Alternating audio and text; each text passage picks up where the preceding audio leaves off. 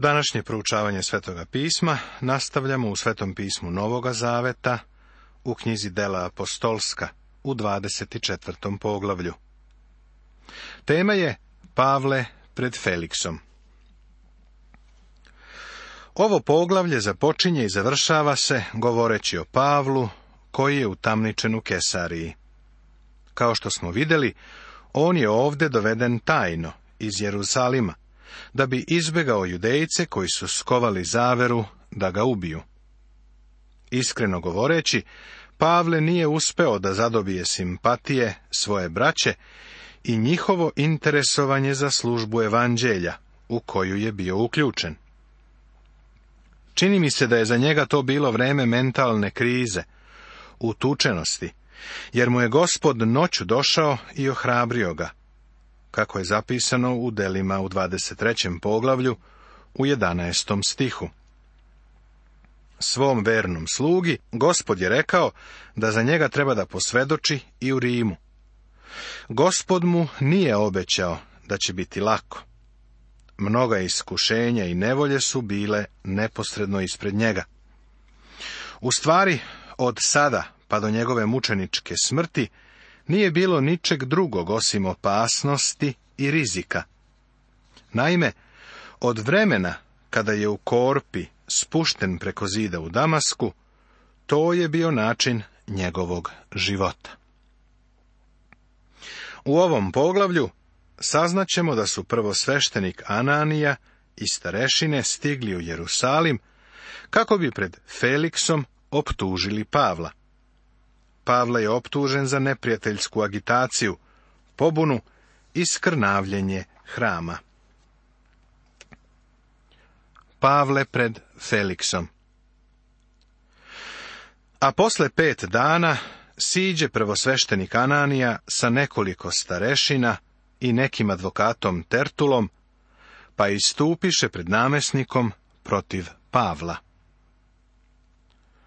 Optuživači nisu gubili vreme. Posle pet dana su došli da bi izneli optužbe protiv Pavla. Sa sobom su poveli i čoveka koji se zvao Tertul, koji je radio kao današnji advokat. Bio je pametan i dobro pripremljen čovek. I optužba koju je izneo bila je veoma dobro spremljena. Bila je kratka i sažeta. Mislim da je on to uradio najbolje što je umeo.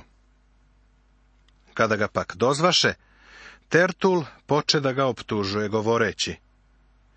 Da veliki mir uživamo zahvaljujući tebi i da se tvojom brižljivošću mnogo šta šta popravilo u ovom narodu. Počinje upućivanjem laskavih reči Feliksu. Ovo nema apsolutno nikakve veze sa optužnicom protiv Pavla. To mi na svaki način i na svakom mestu priznajemo ugledni Felikse sa svakom zahvalnošću. Veruj mi, on se stvarno ulaguje namesniku. No, da te više ne zadržavam, molim te saslušaj nas ukratko po svojoj pravičnosti. Našli smo na ime da je ovaj čovjek kuga, da pokreće svađe među svim judejima, po svemu svetu, da je prvoborac nazarejske sekte. On Pavla naziva pokretačem svađe. Naravno, to nije mogao dokazati. Pa je pokušao i hram da oskrnavi, te ga smo. I htedo smo da mu sudimo po svom zakonu, ali dođe zapovednik Lisija sa velikom silom, pa ga ote iz naših ruku i naredi da njegovi tužitelji dođu k sebi. Od njega možeš, ako ga ispitaš, sam doznati sve za šta ga mi optužujemo. A judeji podupreše govoreći da je to tako. Judeji su ovde verske starešine, koje su došle da iznesu optužbu. Primeti kako on iznosi suptilnu insinuaciju o tome kako je zapovednik vodio slučaj. Ne mogu da ga optuže za zanemarivanje dužnosti, ali se namesniku upućuje kritika na njegov rad. On kaže da su judeji sami mogli na pravi način da reše slučaj. On se samo ulaguje Feliksu, nepravedno optužuje Pavla i iznosi suptilne insinuacije protiv Klaudija Lisija. Tako, optužbe protiv Pavla su da je pokrenuo svađu, da je vođa pobunjeničke sekte i da je oskvrnio hram. Tertul iznosi ove tri optužbe u ime verskih starešina. Sada Pavle iznosi svoju odbranu pred Feliksom. A kad mu namesnik namignu da može da govori, Pavle odgovori znajući da si od mnogo godina sudija ovom narodu, mirne duše branim svoju stvar. Ti možeš doznati da nema više od dvanaest dana, kako sam otišao gore u Jerusalim, da se pomolim Bogu. Pavle kaže da je oduševljen što svoj slučaj može da iznese pred Feliksa. On zna da je Feliks bio sudija narodu dugo vremena, što znači da Felix razume njihove običaje. Ono što Pavle sada namerava da kaže, neće biti nešto što je Felixu strano ili nepoznato. Pa ni u hramu, niti po sinagogama, niti u gradu, ne nađoše da se s kim prepirem ili da bunim narod, a ne mogu ni tebi da dokažu ono zašta me sad optužuju. Tebi bak priznajem da po nauci, koju oni nazivaju sektom, služim tako Bogu naših otaca, verujući sve što je napisano u zakonu i prorocima. Pošto Felix razume judejske običaje, Pavle mu kaže da je otišao u Jerusalim, da bi služio Bogu po njihovim običajima. U suštini, on ovako kaže. Slažem se sa mojim narodom. Jedino što moram priznati jeste da je način na koji ja slavim Boga za njih jeres. Ali Pavle vrlo jasno pokazuje da je njegovo služenje Bogu u skladu sa verom njegovih očeva, odnosno sa starim zavetom. Imajući nadu u Boga, koju imaju i ovi sami, da će biti uskrs pravednika i grešnika. Da li si primetio da je vaskrsenje samo središte hrišćanstva. To je bilo od samog početka, prijatelju. Šta misliš o Hristu uvek predstavlja test. Da li je umro za tvoje grehe? Da li je ustao iz mrtvih? Pavle ovde odmah govori o suštini, o vaskrsenju. Stoga se i sam trudim da imam uvek bezazlenu savest pred Bogom i pred ljudima. Pavle svedoči da ono što je uradio, uradio je radi svoje savesti. Posle više godina došao sam da donesem milostinju svom narodu i da prinesem žrtve. Pavle je došao da crkvi u Jerusalimu donese darove, koji su sakupljeni na njegovom trećem misionarskom putovanju. Čini mi se da je to bio znatan dar, koji su vernici, potekli iz neznaboštva, poslali u Jerusalim, a koji je Pavle želeo da uruči svojim rukama. Kojom prilikom nađoše me u hramu neki judeji iz Azije, očišćena, ali bez okupljanja naroda i bez buke. Trebalo je da oni iziđu pred tebe i da podnesu tužbu, ako bi imali šta protiv mene pravi optuživači, ako ih je uopšte i bilo, nisu čak ni prisutni. Optužba koju Tertul iznosi jeste to da je Pavle uzbunjivao narod u hramu. Zašto protiv Pavla nisu svedočili ti ljudi koje je podbunjivao? Njih tu nema, pa Pavle skreće pažnju na to. Ili ovi sami neka kažu, kakvu su krivicu našli na meni, kad sam stao pred Sinedrion. Neka ti oni kažu o mom pojavljivanju pred Sinedrionom. Da li su uvidjeli da sam nešto skrivio? Neka posvedoče o tome. Tada Felix, koji je bolje poznavao ovu nauku, odgodi njihovu stvar i reče. Kad dođe zapovednik Lisija, rešit ću vašu stvar. On kaže Feliksu da je vaskrsenje glavno pitanje. Vaskrsenje je sama srž evanđelske poruke. Hristos je umro za naše grehe, bio je sahranjen i ponovo je ustao trećeg dana. U stvari, o hrišćanstvu razmišljam kao o svodu, podoprtom sa dva stuba. Jedan stup je Hristova smrt, a drugi Hristovo vaskrsenje. Bez jednog ili drugog svod bi pao.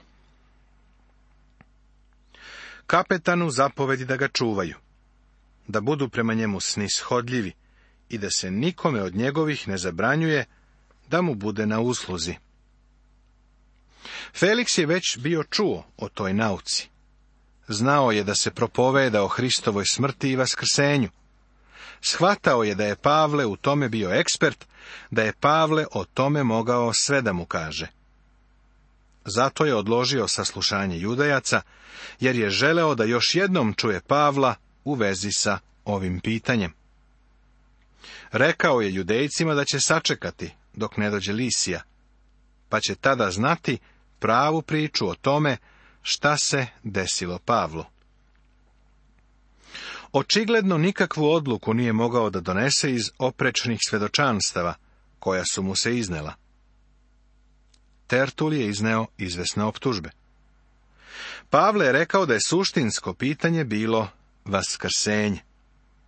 Tad Felix odlaže donošenje presude. Kapetanu zapovedi da ga čuvaju da budu prema njemu snishodljivi i da nikome od njegovih ne zabranjuje da mu budu na usluzi. U stvari, Felix je trebalo da oslobodi Pavla. Međutim, on je bio političar i to je jedan lukav političar. Daje Pavlu veliku slobodu, dok ga drži kao zatvorenika. Pavle u privatnoj posjeti kod Feliksa. A posle nekoliko dana dođe Felix sa svojom ženom Drusilom, koja je bila judejka, te pozva Pavla i slušaše njegove reči o veri u Isusa Hrista. Kada je pak raspravljao o pravednosti, uzdržljivosti i o budućem sudu, Feliksa obuze strah i odgovori. Sad idi, a kad nađe malo vremena, pozvaću te opet. Znate, grešnik nikada ne nađe malo vremena da čuje evanđelje. Felix je već znao nešto o evanđelju ili o nauci. Ova reč je sinonim za ono što danas nazivamo hrišćanstvom ili hrišćanskom verom. Lično bih više voleo da se ponovo koristi reč nauka, odnosno put, jer je danas reč hrišćanstvo najviše zloupotrebljavana i izgubila je svoje pravo značenje. Slušao sam jednog čoveka koji je i dobar propovednik. Kako je neki dan rekao da živimo u hrišćanskom periodu i u hrišćanskom narodu. Prijatelju, ne živimo u hrišćanskom narodu. Ova zemlja Amerika nije hrišćanska ni u mašti. Imamo mnogo članova crkve, ali je broj pravih hrišćana danas vrlo mali. Feliks je pozvao Pavla da bi mu Pavle objasnio evanđelje koje je i pokrenulo sve ovo. Pozvao je Pavla i slušao njegove reči o veri u Isusa Hrista. Neki poznavaoci Biblije ovaj deo naslovljavaju sa Pavlova odbrana pred Felixom. Ja se sa tim ne slažem. Pavle se nije ovdje branio. Kada se drugi put pojavio pred Feliksom, Pavle mu je svedočio, pokušavajući da ga pridobije za Hrista. Zapis iz Svetoga pisma Feliksa ne predstavlja u lošem svetlu, kao što to čini svetovna istorija. Želeo bih da znaš da je on stvarno bio nitkov. Da bismo ga upoznali, moramo pronaći izveštaje istog vremena. Felix je bio oslobođeni rob, koji se zahvaljujući okrutnosti i brutalnosti pojavio u prvom planu. Odao se zadovoljstvima i razuzdanosti. Usput da spomenem, njegovo ime znači uživanje, zadovoljstvo. Rimski istoričar Tacit ovako govori o njemu. Kroz svu svoju okrutnost i razuzdanost, on je ispoljivao autoritet kralja sa duhom roba. U ruke takvog čoveka stavljen je Pavle. Ipak, sveto pismo Feliksa ne osuđuje. Sa njim je tamo sedela i njegova supruga Drusila.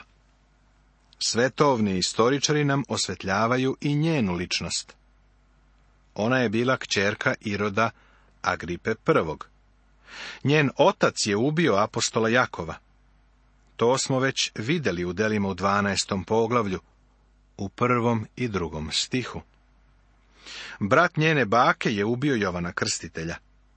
Njen pradeda je pokušao da ubije gospoda Isusa Hrista. Ovaj par loših ljudi, Felix i Drusila, našao se na visokom položaju. Oni verovatno nikada ne bi dolazili u crkvu u kojoj se propoveda evanđelje, niti bi išli da slušaju propoved apostola Pavla, ako bi došao u grad da propoveda. Ipak evo njih dvoje ovde. Daje im se divna prilika, pod najpogodnijim uslovima. Imaju privatni razgovor sa najvećim propovednikom Božije blagodati kojeg je svet ikada upoznao. Bog im pruža privatnu propoved. Njihov dvor postaje crkva, a njihov tron klupa onoga koji oplakuje i žali. Čudesna je Božja blagodat koja je ovim ljudima pružila priliku. Otkucavao je čas njihovog spasenja. Vrata carstva su se otvorila i oni su imali svoju priliku da uđu. Ovo je ispunjenje stiha u drugom psalmu. Svi carevi, urazumite se, naučite se sudije zemaljske, kaže psalam drugi u desetom stihu. Mislim da bi Felix voleo da je doneo odluku za Hrista, ali nije to učinio. Želeo je da čeka neko pogodnije vreme. Prijatelju grešnik nikada neće naći vremena ili neće naći zgodno vreme da čuje evanđelje. Izgleda da čovek nema vremena, a Bog ima. Pavle je sa njim razborito razgovarao o pravednosti, uzdržljivosti i o sudu koji će doći.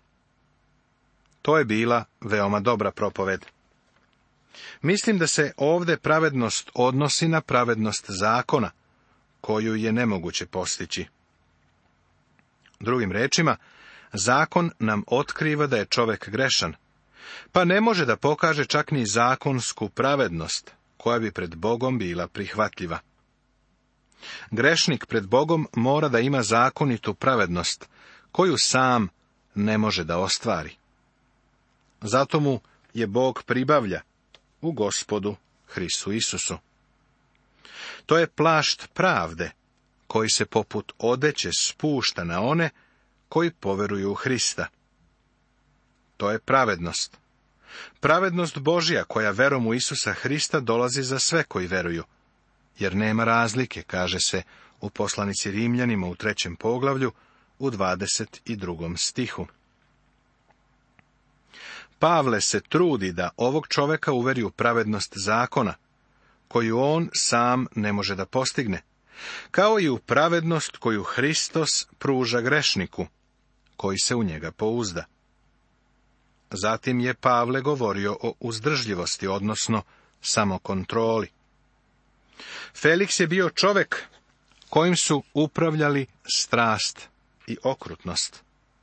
Felix i Drusila Veliki grešnici, koji su živjeli u grehu, nisu znali šta je prava sloboda. Zatim je Pavle govorio o budućem sudu, a to je konačni sud pred velikim belim tronom iz otkrivenja 20. poglavlja. Prijatelju, tvoji gresi su danas ili na tebi ili na Hristu. Ako su na Hristu, ako si se pouzdao u njega, onda je on platio kaznu za tvoje grehe pre više od 2000 godina. Oni više nisu ispred tebe, pred sudom koji te čeka. Ali ako su tvoji gresi još uvek na tebi, onda će doći i sud. Ljudi ne vole da slušaju o budućem sudu. Nastavit će se.